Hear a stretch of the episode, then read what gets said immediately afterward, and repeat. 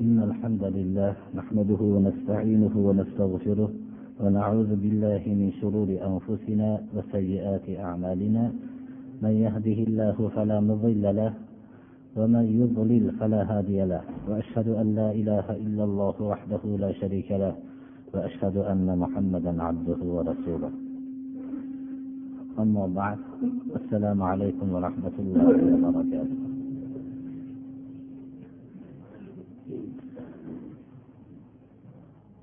والذين آمنوا وعملوا الصالحات لا نكلف نفسا إلا وسعها. أولئك أصحاب الجنة هم فيها خالدون. ونزعنا ما في صدورهم من غل تجري من تحتهم الأنهار.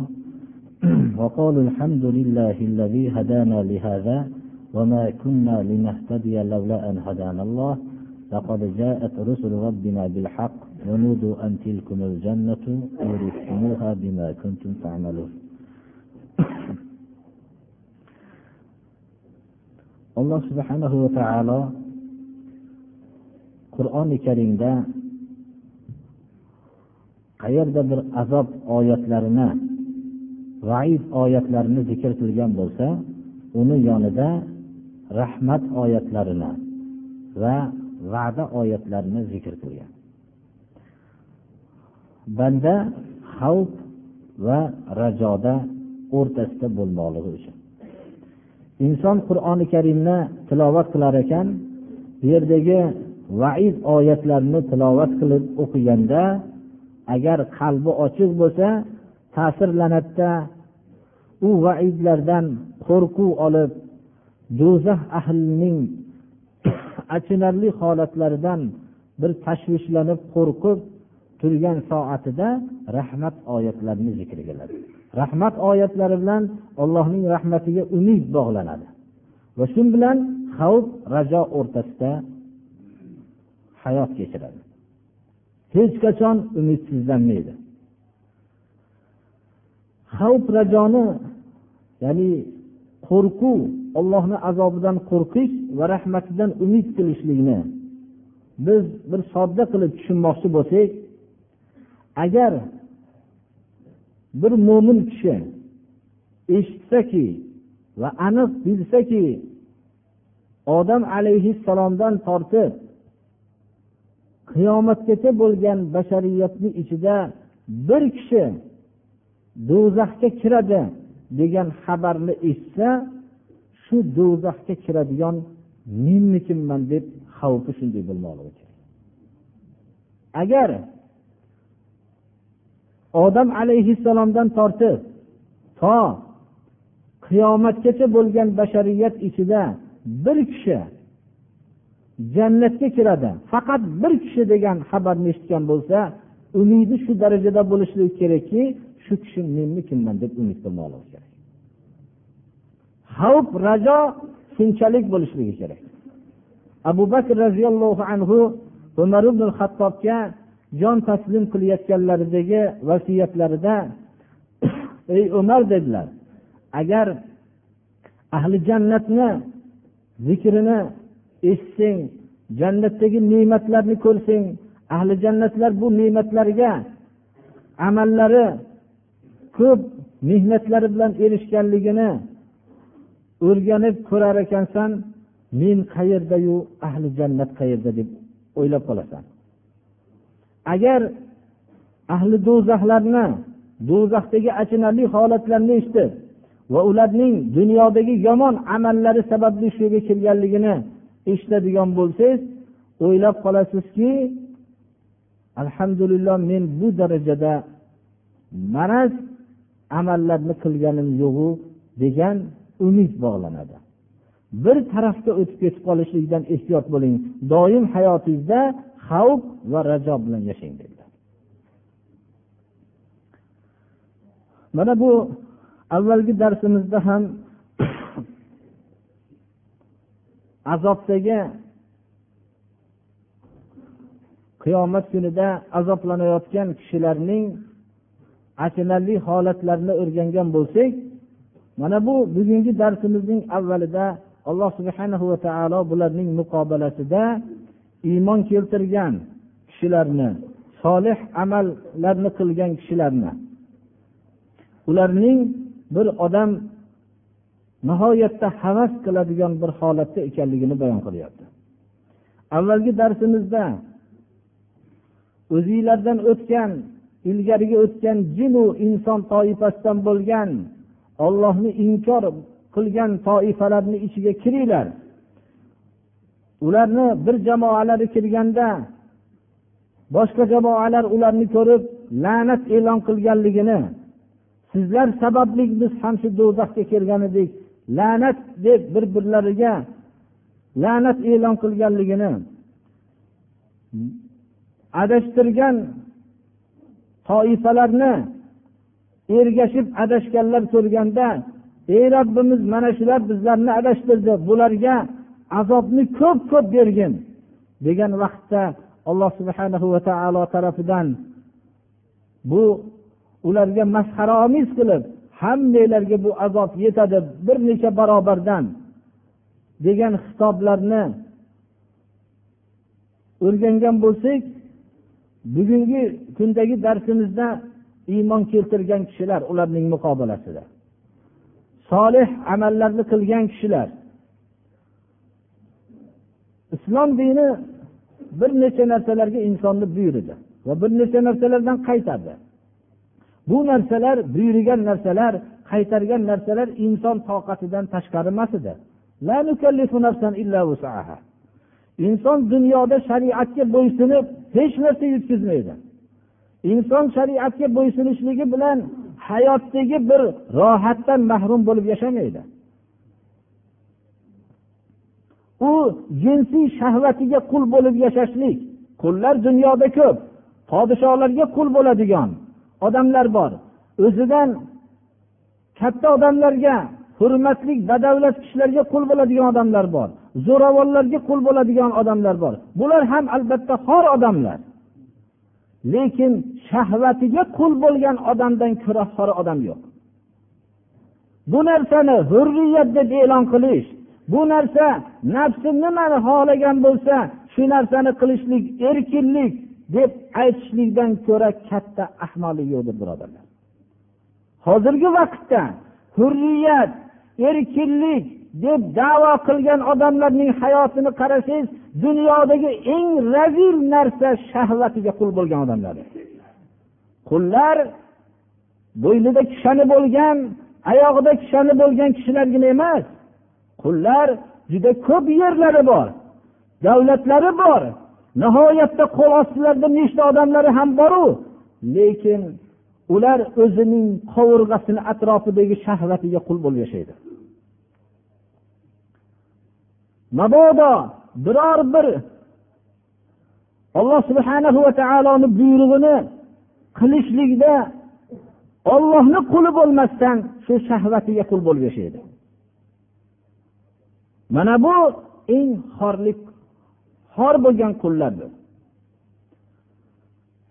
Alloh subhanahu va taolo iymon keltirgan kishilar solih amallarni qilgan kishilar deb biz toqatdan tashqari narsaga buyurganimiz yo'q insonlarni. Insonlar harom qilingan narsalar sanoqli narsalar. Yeydigan narsalar ichida harom bo'lgan narsalar sanoqli narsalar.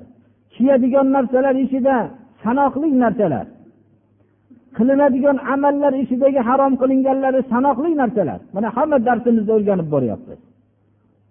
Bu narsalarni qaysi bir narsa islomda harom qilingan bo'lsa uning jinsidan bitta yoki bir necha narsani halol qilib turib harom qilingan. Fohishani islom harom qildi. Uning muqobalasida nikohni halol qilib turib harom qildi. Mast qiluvchi ichimlikni harom qildi. Uning muqobalasida son sanoqsiz narsalarni halol qilib turib insonning jismi va aqliga zarar yetkazadigan narsani harom qildi. Insonni kiyadigan narsalardan er kishilarga ipakni harom qildi va tilloni harom qildi uzuk qilib taqib shunday qilishlikni. Uning muqobilasida boshqa kiyadigan narsalarni hammasini halol qilib turib shu ipak libosni harom qildi. Mustasno suratda ipak libos ham halol bo'ladi. Jang maydonida tig'ning ta'siri ipakka o'tmasligi uchun jang maydonida yana ipak liboslarni kiyishlikni bu holatda halol qildi. To'ng'iz go'shtini harom qildi. Uni ham majburlik ochdan o'ladigan majburlik holatlarda halol qildi hayotni saqlab qolishlik uchun. Boshqa uning muqobalasida juda son sanoqsiz bo'lgan bu pokiza taomlarni halol qilib turib ba'zi narsalarni harom qildi. Inson tekshirib qolsa islomda toqatdan tashqari narsaga buyurilgan emas. Lekin qachon bu amallarni qilishlik qiyin bo'ladi? Inson nafsi shahvatiga qul bo'lgan vaqtda qiyin deydi. Agar inson o'zini to'g'ri yo'nalishga sololasa unda islomning buyruqlarini bajarishlikdan oson narsa qolmaydi. Bizni islom yo'li juda ham qulay yo'ldir.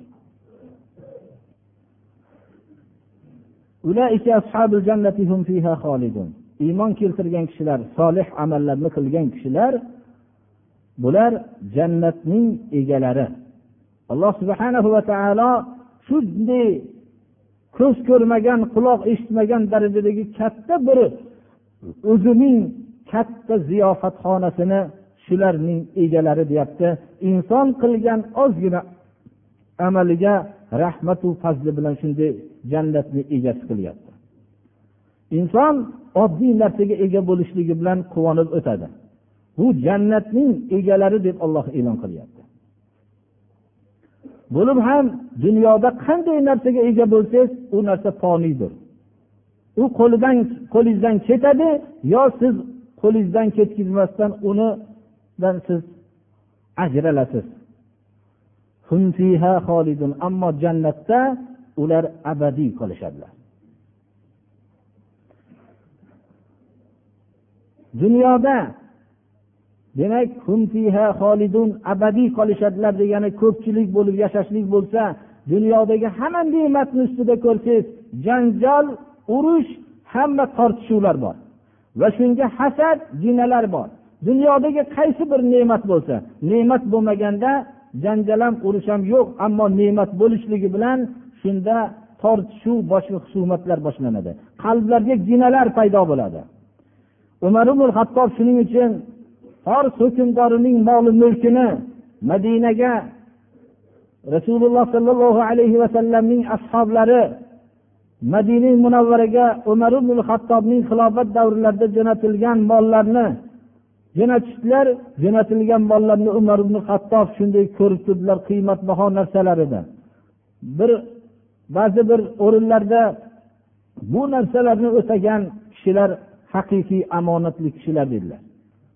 Chunki u fors hukmdorlarining mollarini ichida shunday bir kichkina narsalar bordiki bir insonni va avlodini umriga yetadigan qiymatbaho toshlar ham bor edi. Bunday narsalarni bekitmasdan jo'natgan kishilar omonatli kishilar dedilar. Va ba'zi o'rinlarda umar ibn hattob bu moli dunyoni ko'rib yig'ladilar. Hammalari bu xursandlik o'rnida siz yig'layapsiz deganlarda bu dunyo qaysi bir millatni ichiga kirgan bo'lsa u yerda husumat janjal boshlangan u yerda ajralib bir birlariga dushmanlik boshlangan degan dedilar. Shuning uchun yahud makri birinchi bir millatning buzishga kuchi yetmagan vaqtida uning tamomiy dunyo ishiga mashg'ul qilib dunyoni ko'paytirishlikni ham ularni sharoit yaratib beradi. Dunyo ko'payishligi bilan o'rtadagi muhabbatlar yo'qolib hammalari bir biriga adovatli xalqlarga aylanadi. Hozirgi vaqtdagi bo'layotgan olamdagi husumatlarni tekshirib qaralsa ular ko'p mamlakatlar kambag'allik sababi bilan jang qilishayotganlari yo'q. Hammalari boylikni tortishuv natijasida janglar xalqlar o'rtasida paydo bo'lgan birodarlar. Shuning uchun ham mana bu yerda ammo u yerda abadiy qolishlik bilan shuncha molu mulklar bo'lishligi bilan har qanday pok insonni ham qalbida bir ozgina kudurat qolishligi mumkin.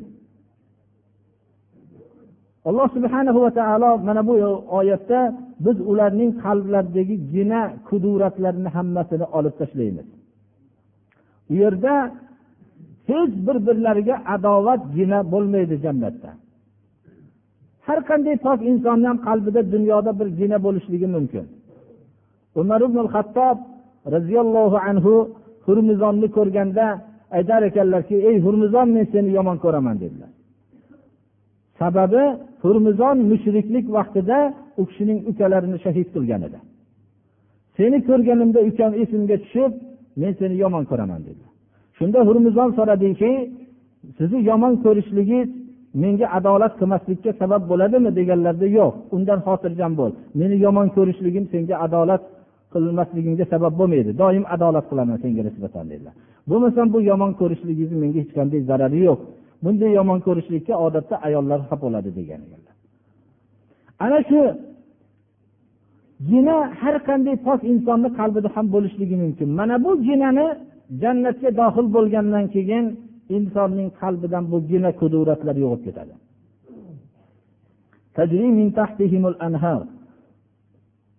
Do'zaxdagilar bir birlariga husumat la'natlar e'lon qilsa jannatdagilarning qalbida gina kuduratdan asar qolmaydi. Do'zaxdagi kishilar o'tdan bo'lgan yumshoq o'rinda bo'lishsa alloh subhana va taolo mihad deb aytyaptiki o'tdan bo'lgan yumshoq joylar deyishlik ular dinni masxara qilganligi uchun ularga bo'lgan azoblarni ham bayoni masxara uslubida keltiriladi. O'tdan bo'lgan yumshoqning ma'nosi nima birodarlar? Bu qattiq bir azob bu. Ammo ahli jannatlarning ostlaridan anhorlar oqib turadi.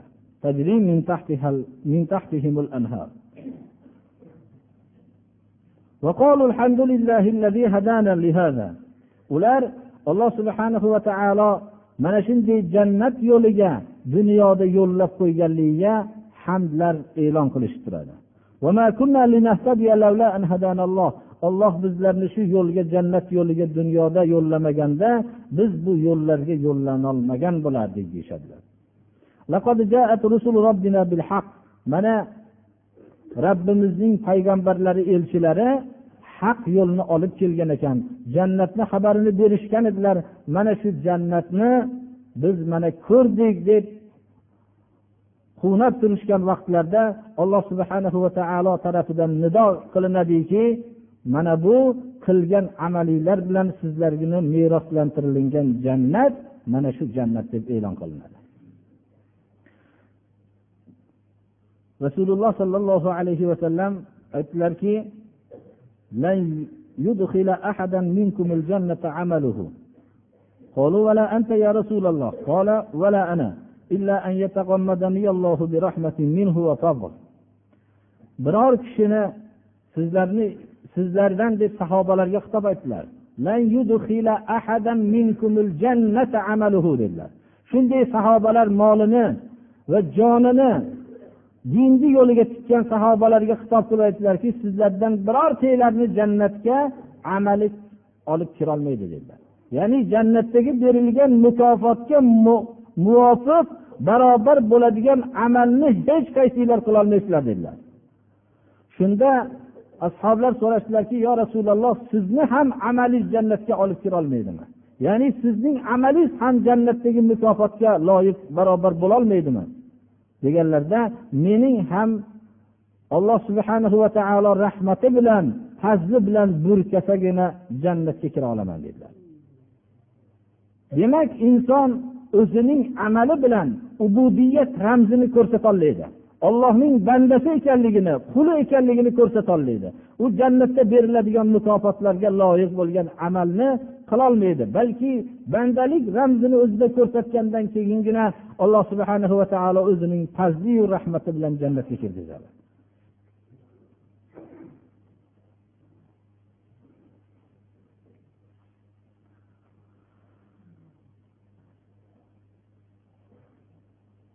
Ahli jannat jannatda rohatlanib turgan soatda ahli do'zax do'zaxda azoblanib turgan soatda alloh subhana va taolo do'zax ahliga jannat ahli tarafidan bo'lgan xitobni eshittiradi. Jannatga dohil bo'lgan inson albatta dunyoda eshitgan bo'ladiki do'zax deb ollohning azobi nor degan oyatlarni eshitgan do'zaxdagilar ham jannatni eshitishgan to'satdan alloh subhana va taolo ahli jannatning ahli do'zaxga qilayotgan xitobini bizga bayon qilyapti ونادى أصحاب الجنة أصحاب النار أن قد وجدنا ما وعدنا ربنا حقا فهل وجدتم ما وعد ربكم حقا؟ قالوا نعم. فأذن مؤذن بينهم اللعنة الله على الظالمين الذين يصدون عن سبيل الله ويبغونها عوجا وهم بالآخرة كافرون.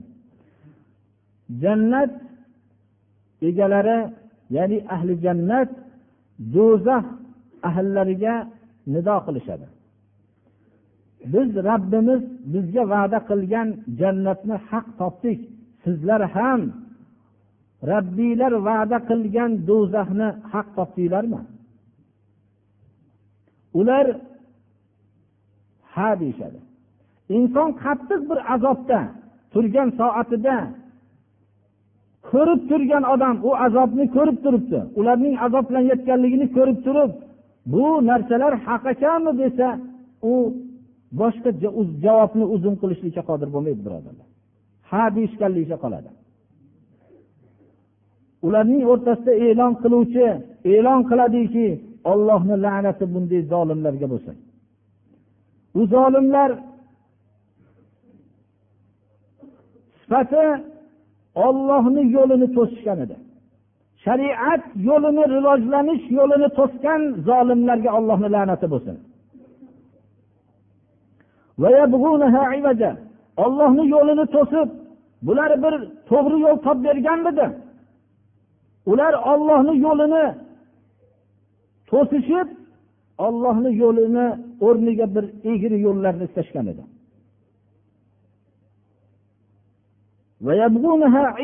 oyatiga birodarlar bir diqqat qilsak ollohni yo'lini to'sayotgan odamlar ollohni inkor qilmaydi. Aksarlari ollohni inkor qilmaydi. Lekin yo'lni hayot yo'lini egrisini topib beradi. Ular qalbida olloh bo'lsayu shu e'tiqodda ollohni bor deb e'tiqod qilib yursayu hayotda ollohni yo'lidan boshqa o'zlarining havoyi nafs yo'llari bilan yashashlikni orzu qiladi. Mana bu yo'l egri yo'l. Ollohni inkor qilmasligi bilan qutula olmaydi oxiratda. Ollohni yo'lini yagona yo'l. Bu ikkita yo'l bo'lishligi mumkin emas. Mana bu yo'lni to'sib bu yo'lni egri qilib nafsiga to'g'ri kelganligini qabul qilib to'g'ri kelmayotganligini qabul qilmagan yo'llar hammasi zalolat yo'lidir. Bular oxiratga kofir bo'lgan odamlar deyapti alloh taolo. Qaysi bir odam ollohni yo'lini to'sayotgan odamni tekshirsangiz ollohni oxiratga bo'lgan oxirat haqidagi xabarini inkor qilgan toifadir. Agar inson oxiratni borligiga iymon keltirib oxiratdagi hisob kitobni haqligiga iymon keltirgan bo'lsa u ollohni yo'lini to'sishlik sifati unda bo'lmaydi. Chunki u albatta hisob kitobga ro'baru bo'lishligini biladi. Mana bunday ollohni yo'lini to'sgan ollohni yo'lini egri qilib odamlarga istab topib berayotgan oxiratga kofir bo'lgan zolimlarga ollohni la'nati bo'lsin degan e'lon bo'ladi.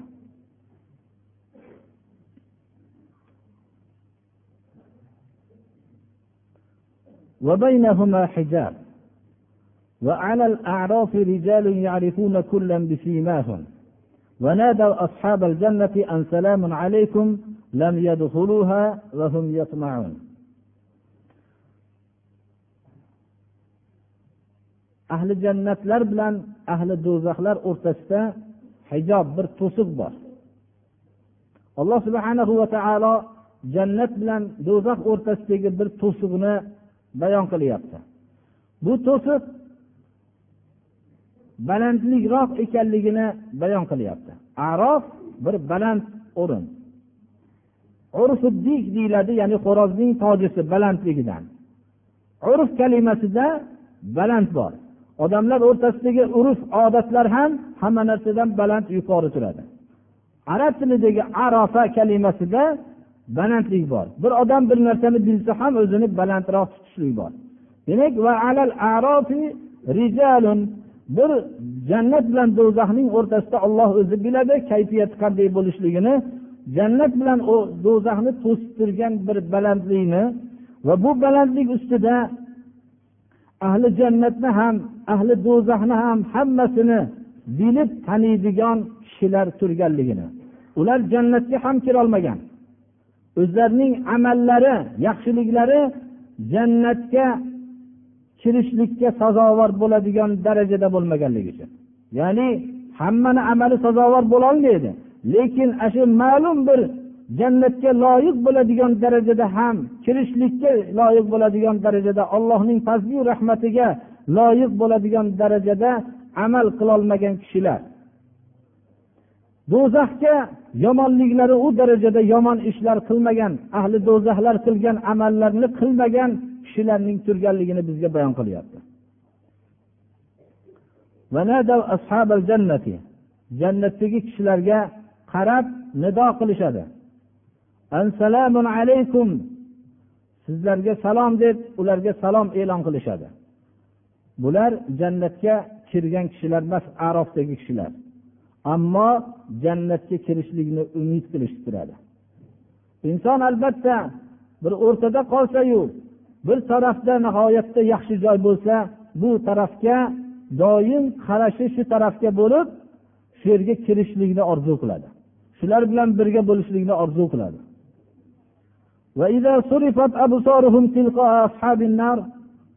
Ularni yuzini burilsa o't tarafidagi kishilarga ular o't tarafiga inson bir tarafda ajoyib bir rohat holati bo'lsa bir tarafda achinarli bir azob holati bo'lsa u tarafga qarashlikni ham xohlamaydi. Shuning uchun bu yerdagi fe'l va surifat ularni burilsa deyilyapti o'z ixtiyori bilan burishmaydi yuzlarini u tarafga. Balki ularni qandaydir alloh subhana va taolo tarafidan bo'lgan kuch ularni shu tarafga qaratilsa yuzlarini shu vaqtdagi ularning so'zlari xudoyo shu zolim qavmlar bilan birga qilib qo'ymagin deb duo qilishadi. Birodarlar hayotda ollohni yo'lini to'sgan odamlar bilan birga bo'lib qolishlikni hozirda ham ollohdan panoh istab so'ramoqlik kerak. Hozir biz ollohni yo'lini inkor qilgan ollohni yo'lini to'sgan odamlar bilan birga bir tanishlik hosil bo'lib qolsa faxrlanib yuramiz. Bu yerda hali ahli jannat emas birodarlar. Arofda qolgan kishilar ham yuzlarini qaratishni xohlamaydi ularning yuzlarini kuch bilan burilganda ham xudoyo shu zolimlar bilan birga qilib qo'ymagin deyishadi. Rasululloh sollallohu alayhi vasallam dedilar. Kim qaysi toifani yaxshi ko'rsa shularning jamoasida mahsharda turadi dedilar. Ularning davlatlari ularning martabalari boshqalari bizni aldab qo'ymasligi kerak birodarlar. Ollohni yo'lini to'sgan odamni kim bo'lishligidan qat'iy nazar zolim deb pana olib biz undan o'zimizni shulardan bo'lib qolmaylik deb ollohdan so'ramoqligimiz kerak. Tarixda gapirgan go'dak bolalardan imom buxoriy uch kishini rivoyat qiladilar. Bittalari hammamizga ma'lum iso alayhissalom. Ikkinchilari o'tgan payg'ambarlarda ummatlarda banu isroilda bir ibodatlik kishi bo'lgan bu ibodatlik kishini namoz o'qiyotgan vaqtida onalari chaqirib qolganda u kishi ey olloh hozir namoz o'qiyotgan bo'lsam bu yoqda onam chaqirgan bo'lsa javob qilsammikin yo'qmikin? deb o'ylanib namozlarda davom etgan.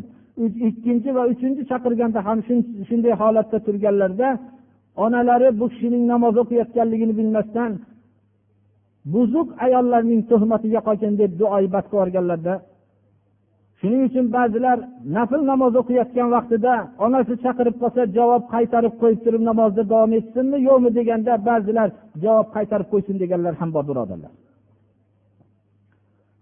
Bu kishini keyinchalik bir ayol bir bolani ko'tarib keldi. Bu bolaning dadasi shu odam deyishdi. Odamlar bunga xilos qilib yurgan ekanmiz bu buzuq odam ekan deb ibodatxonasini vayron qilib tashlashdi. Va o'zini o'ldirmoqchi bo'lib turishganda allohga munojat qildiki xudoyo bu tuhmatdan meni salomat qilgin deb shunda alloh subhana va taolo bolaga til berdida dadang kim? deganda meni dadam falonchi cho'pon dedi. Ular bilishdi bu mo'jizani ko'rishdilarda bu biz haqiqiy ixlos qilgan odamimiz toza odam ekan deb o'zini ibodatxonasini qiymatbaho toshlardan bino qilib berishdi. Uchinchi tarixdan gapirgan go'dak bolalarni bittasini imom buxoriy mana rivoyat qiladilarki bir ona o'zining bolasini ko'tarib turgan vaqtida buni hamma ota onalar eshitib qo'ymoqligi kerak. Shunda bir odam juda dabdabalik holatda o'tib ketdi. Dabdabalik liboslar bilan dabdabali holat bilan o'tib ketdi. Shunda hamma ota ona o'zining farzandini xoromasdan shunday aziz bo'lishligini xohlaydi. Lekin aziz ma'nosi nima ekanligini hamma bilavermaydi birodarlar. Juda ko'p izzat azizlikni zohiriy holatga qarab turib baho beramiz. Shunda meni ham bolamni shunday aziz hurmatli qilgin deb turganda boladan ovoz keldiki xudoyo shunga o'xshagan qilib qo'ymagin degan. Ona bolasidan bu tovushni eshitib hayron bo'ldi. Keyin ikkinchi bir holatda bir odamni kushallab bog'lab urib liboslari xorizor bo'lgan holatda kaltaklab olib o'tib ketishdi. Tabiatan ota ona farzandining bunday xorlik holatda bo'lishligini hech chidolmaydi. Xudoyo meni farzandimni shunday xorizor qilib qo'ymagin degan vaqtida boladan tovush chiqdiki xudoyo shunday aziz kishilardan qilgin dedi. Tekshirib ko'rilsa u avvalgi mushrik bir dinsiz ekan. Keyingisi din yo'lida kaltayib ketayotgan kishi ekan. Biz ham arosatda qolib qiyomat kuni.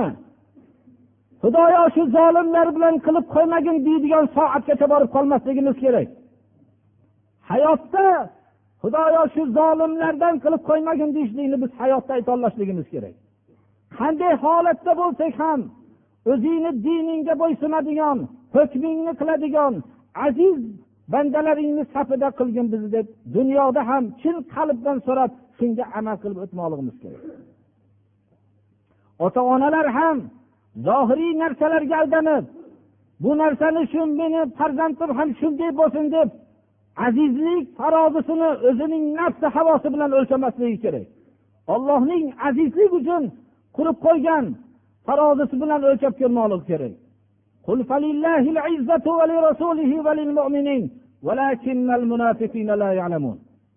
Azizlik ollohga xos ollohning rasuliga xos olloh rasuliga iymon keltirgan sodiq mo'minlarga xos.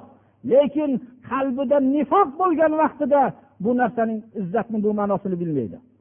Qaysi bir kishi izzat ollohdan boshqaniki desa rasulidan boshqaniki desa mo'minlardan boshqada azizlik bor desa bilsinki qalbida munofiqlik paydo bo'libdi munofiqlar safidan o'rin olibdi.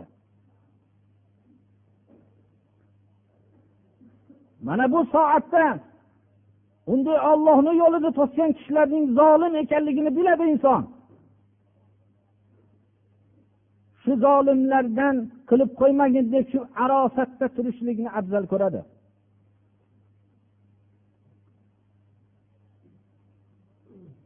ونادى أصحاب الأعراف رجالا يعرفونهم بسيماهم arofda turgan kishilar to'satdan belgilari bilan tanigan dunyoda martabada baland bo'lgan ya'ni dunyoviy martabada moli davlatlari ko'plik bilan mashhur bo'lgan ammo dindan bexabar bo'lgan ularning belgilari bilan bo'lgan o'zlarini kibr havo bilan o'lchab yurgan kishilarni ko'radi. Ularga qarab nido qiladi.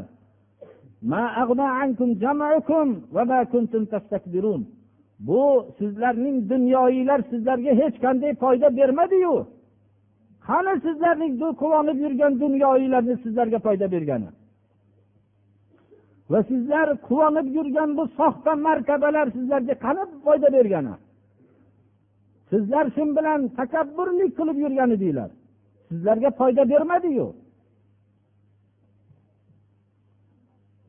Ular dunyosiga mag'rur bo'lib shariat hukmini qilmay yurgan kishilar o'zining martabasiga mag'rur bo'lib shariat hukmini qilmay yurgan odamlar mo'minlarni yana o'zlarining bu xatolariga iqror bo'lishni o'rniga mo'minlarni kamsitib yurishadi.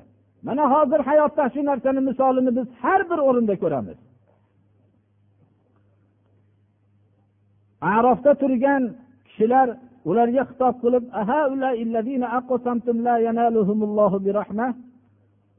jannatdagi mo'minlarni ko'rsatib mana bu mo'minlarmi sizlar qasamyod qilib aytardinglarki olloh bularga yaxshiligini rahmatini yetkazmaydi. Rahmat bizda mana dunyo. Mana bizda dunyoviy martabalar bizda. Ollohni rahmati mana bizga. Eng yaxshi odamlar bizmiz deb bular xorizot degan odamlar mana shu kishilarmi deb jannatdagi mo'minlarni ko'rsatiladi ularga. Sizlarga do'zaxda turishlikni hukm qilinsa sizlar bularda hech qanday yaxshilik yo'q degan kishilarga xitob qilinyaptiki jannatga kiringlar qo'rquv bo'lmagan holatda g'amginlik bo'lmagan holatda kiringlar deb xitob qilinyapti bularga mana.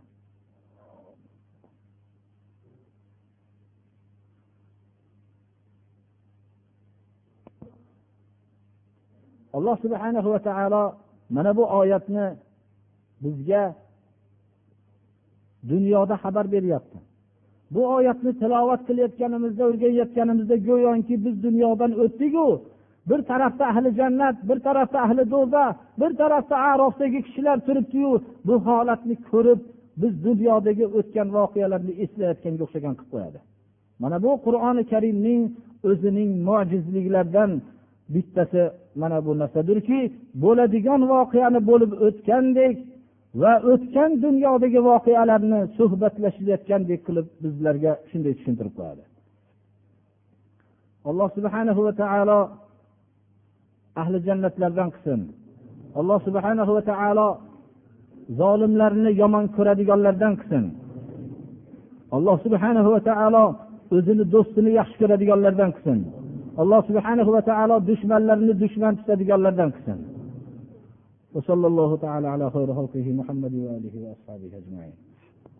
Hammaga nima oladigan gap bo'lyapti. Masalan bir odam deydi er kishi ayolidan judo bo'lgan bo'lsa ayol kishi eridan judo bo'lgan bo'lsa shunaqa holatlarda ba'zi farzandlar deydi turmush qilishlikka ayolni ham erni ham bir qarshilik qilishyapti. Shularni haqqi bormi bu endi bu albatta endi savol qilish emas buni umumiy qilib aytib qo'ysak bo'laveradi. Hammaga ma'lum narsa. Masalan turmush qilishlik haqida oilasi vafot qilgan bo'lsa bu turmush albatta qilinishligi kerak. Ayollar ham turmush qilishligi kerak. Hatto masalan shunday qattiq so'zlar borki ayollar turmush qilmaydigan bo'lsa bu bu fitnaga sabab bo'ladi. Bu endi u o'tgan turmush o'rtog'iga sodiq bo'lib o'tib ketaman deyishlar u islomda yo'q gap. Unda sahobalarni ayollarini sodiqa emas ayollar deb deyishlik to'g'ri kelib qoladi. Ular e, sahobalar davrida bir ayollar mana tul qolishgan vaqtlarda ular turmush qilishgan. Ular eng zamondagi urug' ayollar hisoblanadi.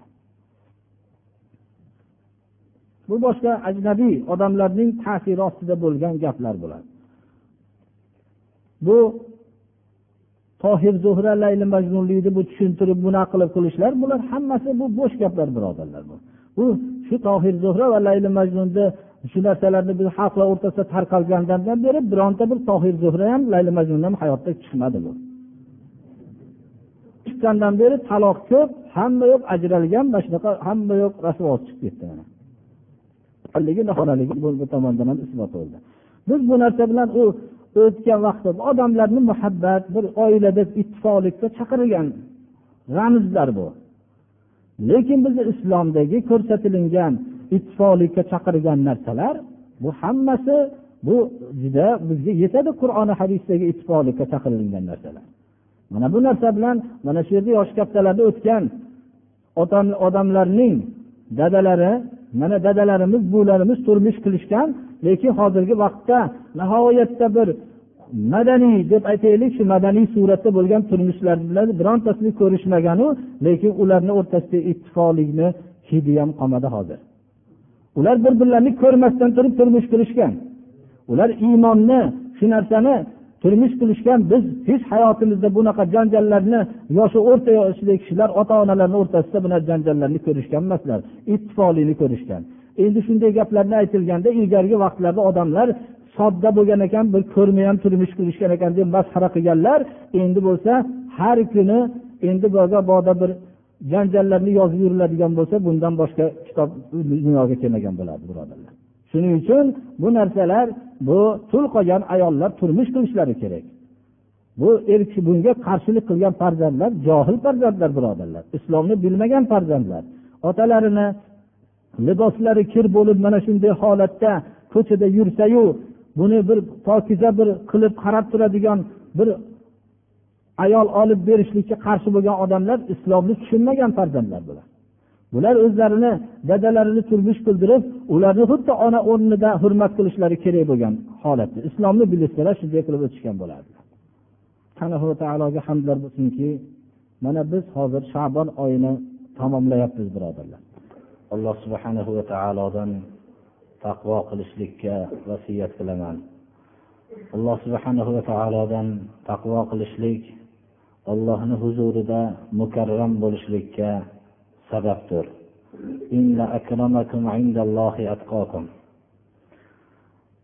Taqvo hosil qilmoqlik uchun biz o'zimizga to'rtta sifatni lozim ko'rmoqligimiz kerak.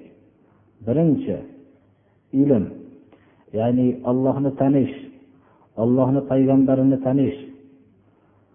Mana bu narsa bizning shariat hukmlarini dinimizni tanish bizni taqvomizni asosi bo'lmoqligi kerak.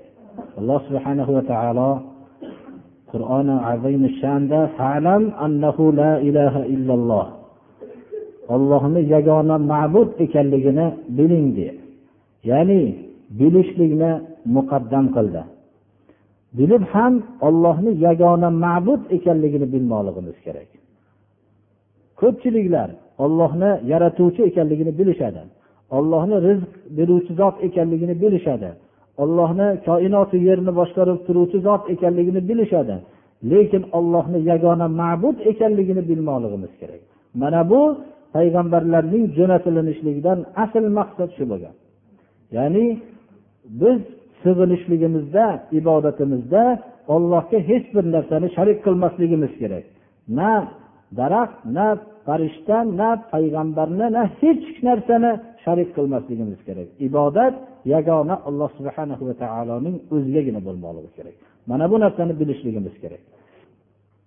Va bunga amal qilmoqlik ya'ni ibodatimizda yagona ma'budga ibodat qilishligimiz hayotimizdagi ibodatning hammasini ollohni o'zigagina qilishligimiz bu amalimizni belgisidir. Rasululloh sollallohu alayhi vasallamni bilib bunga amal qilishligimiz rasululloh sollallohu alayhi vasallam buyurgan narsalarni qilib u kishi qaytargan narsalardan qaytmoqligimizdir. Dinimizni bilishligimiz va bunga amal qilishligimiz dinimiz buyurgan narsalarni dinimizda bor narsalarni qilib dinimizda yo'q bo'lgan narsalardan voz kechmoqligimiz kerak. Uchinchisi ilm va amal bilan kifoyalanib qolmasdan bu ilm va amalga da'vat qilmoqligimiz kerak. Odamlarni shu yo'lga chaqirishligimiz kerak. Shundagina biz shu dinimiz uchun zarur bo'lgan to'rtta ishlardan uchinchisini qilgan bo'lamiz. Alloh subhana va taolo da'vat qilishlikka buyurdi.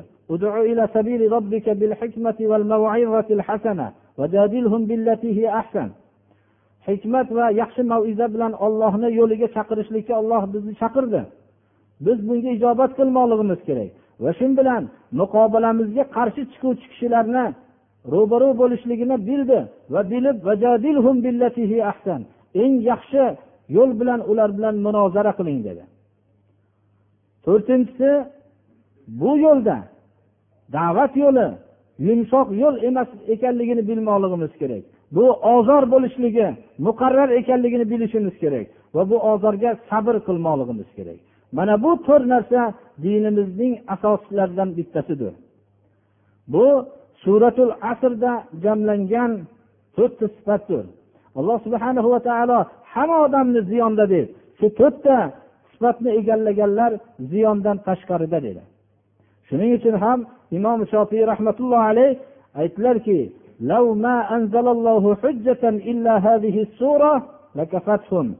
agar alloh taolo shu suratul asrdan boshqa hujjat tushirmaganda shu o'zi kifoya qilgan bo'lardi degan ekanlar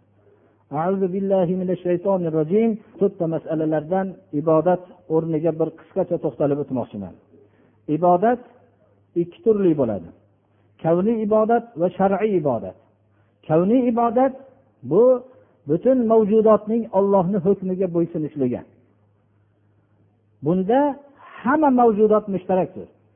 Bu, bu ibodatda bizning tanamiz ham a'zolarimiz ham ollohni hukmiga ollohning qonuniyatiga bo'ysunadi. Og'zimiz bilan gapiramiz qulog'imiz bilan eshitamiz ko'zimiz bilan ko'ramiz bu o'pkamiz bilan nafas olamiz. Bu narsani hech kim o'zgartira olmaydi. Bu kavniy ibodat. Ya'ni ollohni yuborgan qonuniga insonning a'zolari bo'ysunadi va tashqi mavjudot ham bo'ysunadi va bunda eshaklar ham hayvonlar ham bu ibodatda biz bilan mushtarak birodarlar bu ibodat bilan biz faxrlanolmaymiz biz xohlasak ham xohlamasak ham bizning a'zolarimiz bu ibodatda majbur bu ibodatni bajaradi. Bu eshak bilan bizning bunda farqimiz yo'qdir bu ibodatda. Balki tamomiy jonsiz mavjudotlarni ham farqi bizga mavjud. Balki iblis ham bu ibodatda majburdir. Ammo ibodatning ikkinchi turi shar'iy ibodat. Alloh subhana va taolo mana bu ibodatga bizni buyurdi. Va alloh subhana va taolo shu ibodatni ta'lim berishlik uchun payg'ambarlar jo'natdi. Mana bu ibodat bilan biz boshqa mavjudotdan farq qilamiz. Shu ibodat uchun alloh subhana va taolo inson va jinni yaratdi. Shu ibodat bilan alloh subhana va taolo insonni mukarram qildi.